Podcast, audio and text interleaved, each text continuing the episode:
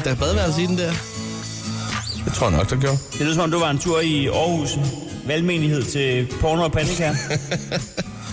Det bliver dig, der tager den tur, og jeg glæder mig så meget til at høre om. Øh, en anden ting, vi hørte om her øh, forleden, det var jo øh, vores nye ejer, der kom og, øh, og holdt et lille møde øh, og, og hilste på os pænt. Ja. Øh, før der var vi jo ejet af et øh, tv-netværk, Discovery. Nu er vi ejet af et, øh, et radionetværk, som hedder Bauer Media. Og øh, den øverste af den øverste af den øverste chef, han stod jo som noget af det første og sagde, vi elsker radio, og vi er så glade for, øh, for radio. Øh, radio kan det hele. Radio kan skabe billeder.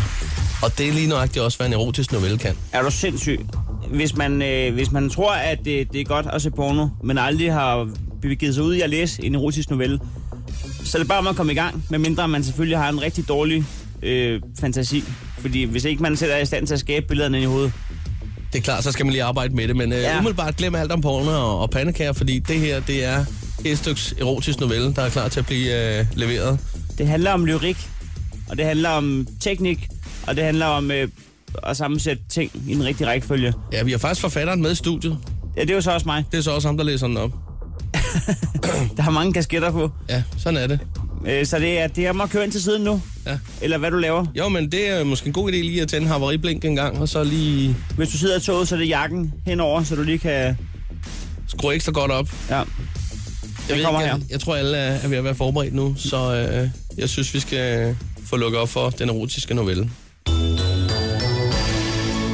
Gennemtræk i rækkehuset. Claus har gennem længere tid brugt internettet til streaming af film. Og det er ikke dokumentarfilm, hvis man forstår sådan en lille en. Hvis man ikke forstår sådan en lille en, så er der tale om pornofilm. Det kan Claus godt lide at kigge på. Han kigger på det i timevis. Han er tæt på at være afhængig. Måske burde han snakke med nogen om det. Han overvejer at tage til porno og pandekær i Aarhus Valgmenighed. Claus er især glad for at kigge på kvindelige sprøjtorgasmer. Det går vildt for sig. Det må han altså erkende. Det hedder squirting, har Claus erfaret. Og jeg forvekslet med squatting. Claus' kone Hanne kan hverken squirte eller squatte. Hun kan bare ligge på ryggen, som en havareret val. En væltet ko i Jylland, eller et S-tog uden køreledninger. Så ligger hun der. Bare Hanne kunne squirte, tænkte Claus. Han vil prøve. Han lagde gummilagene på. Det er forfærdeligt at arbejde bare i forhold til stræklagen. Han smed Hanne på sengen og begyndte at give en finger til den store guldmedalje. I hvert fald sølv. Kom så, Hanne. Sprøjt. Gennemved vores øh, ferskenfarvede væg. Sprøjt så, Hanne. Jamen, hvordan gør jeg, Claus? Det ved jeg sgu da ikke. Jeg har da ikke en væg endda, sagde Claus. Pres, tror jeg. Jeg tror bare, du skal presse. Hanne presser. Intet kommer ud. Så pres dig hårdere, Hanne. Hanne presser. Og der får hun skidt i sengen. En 12 cm lang pølle har entreret sengen.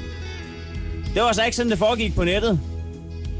Heldigvis var deres labrador død i den forgangne uge, så han havde et par doggybags i overskud til lige at samle pøllen op.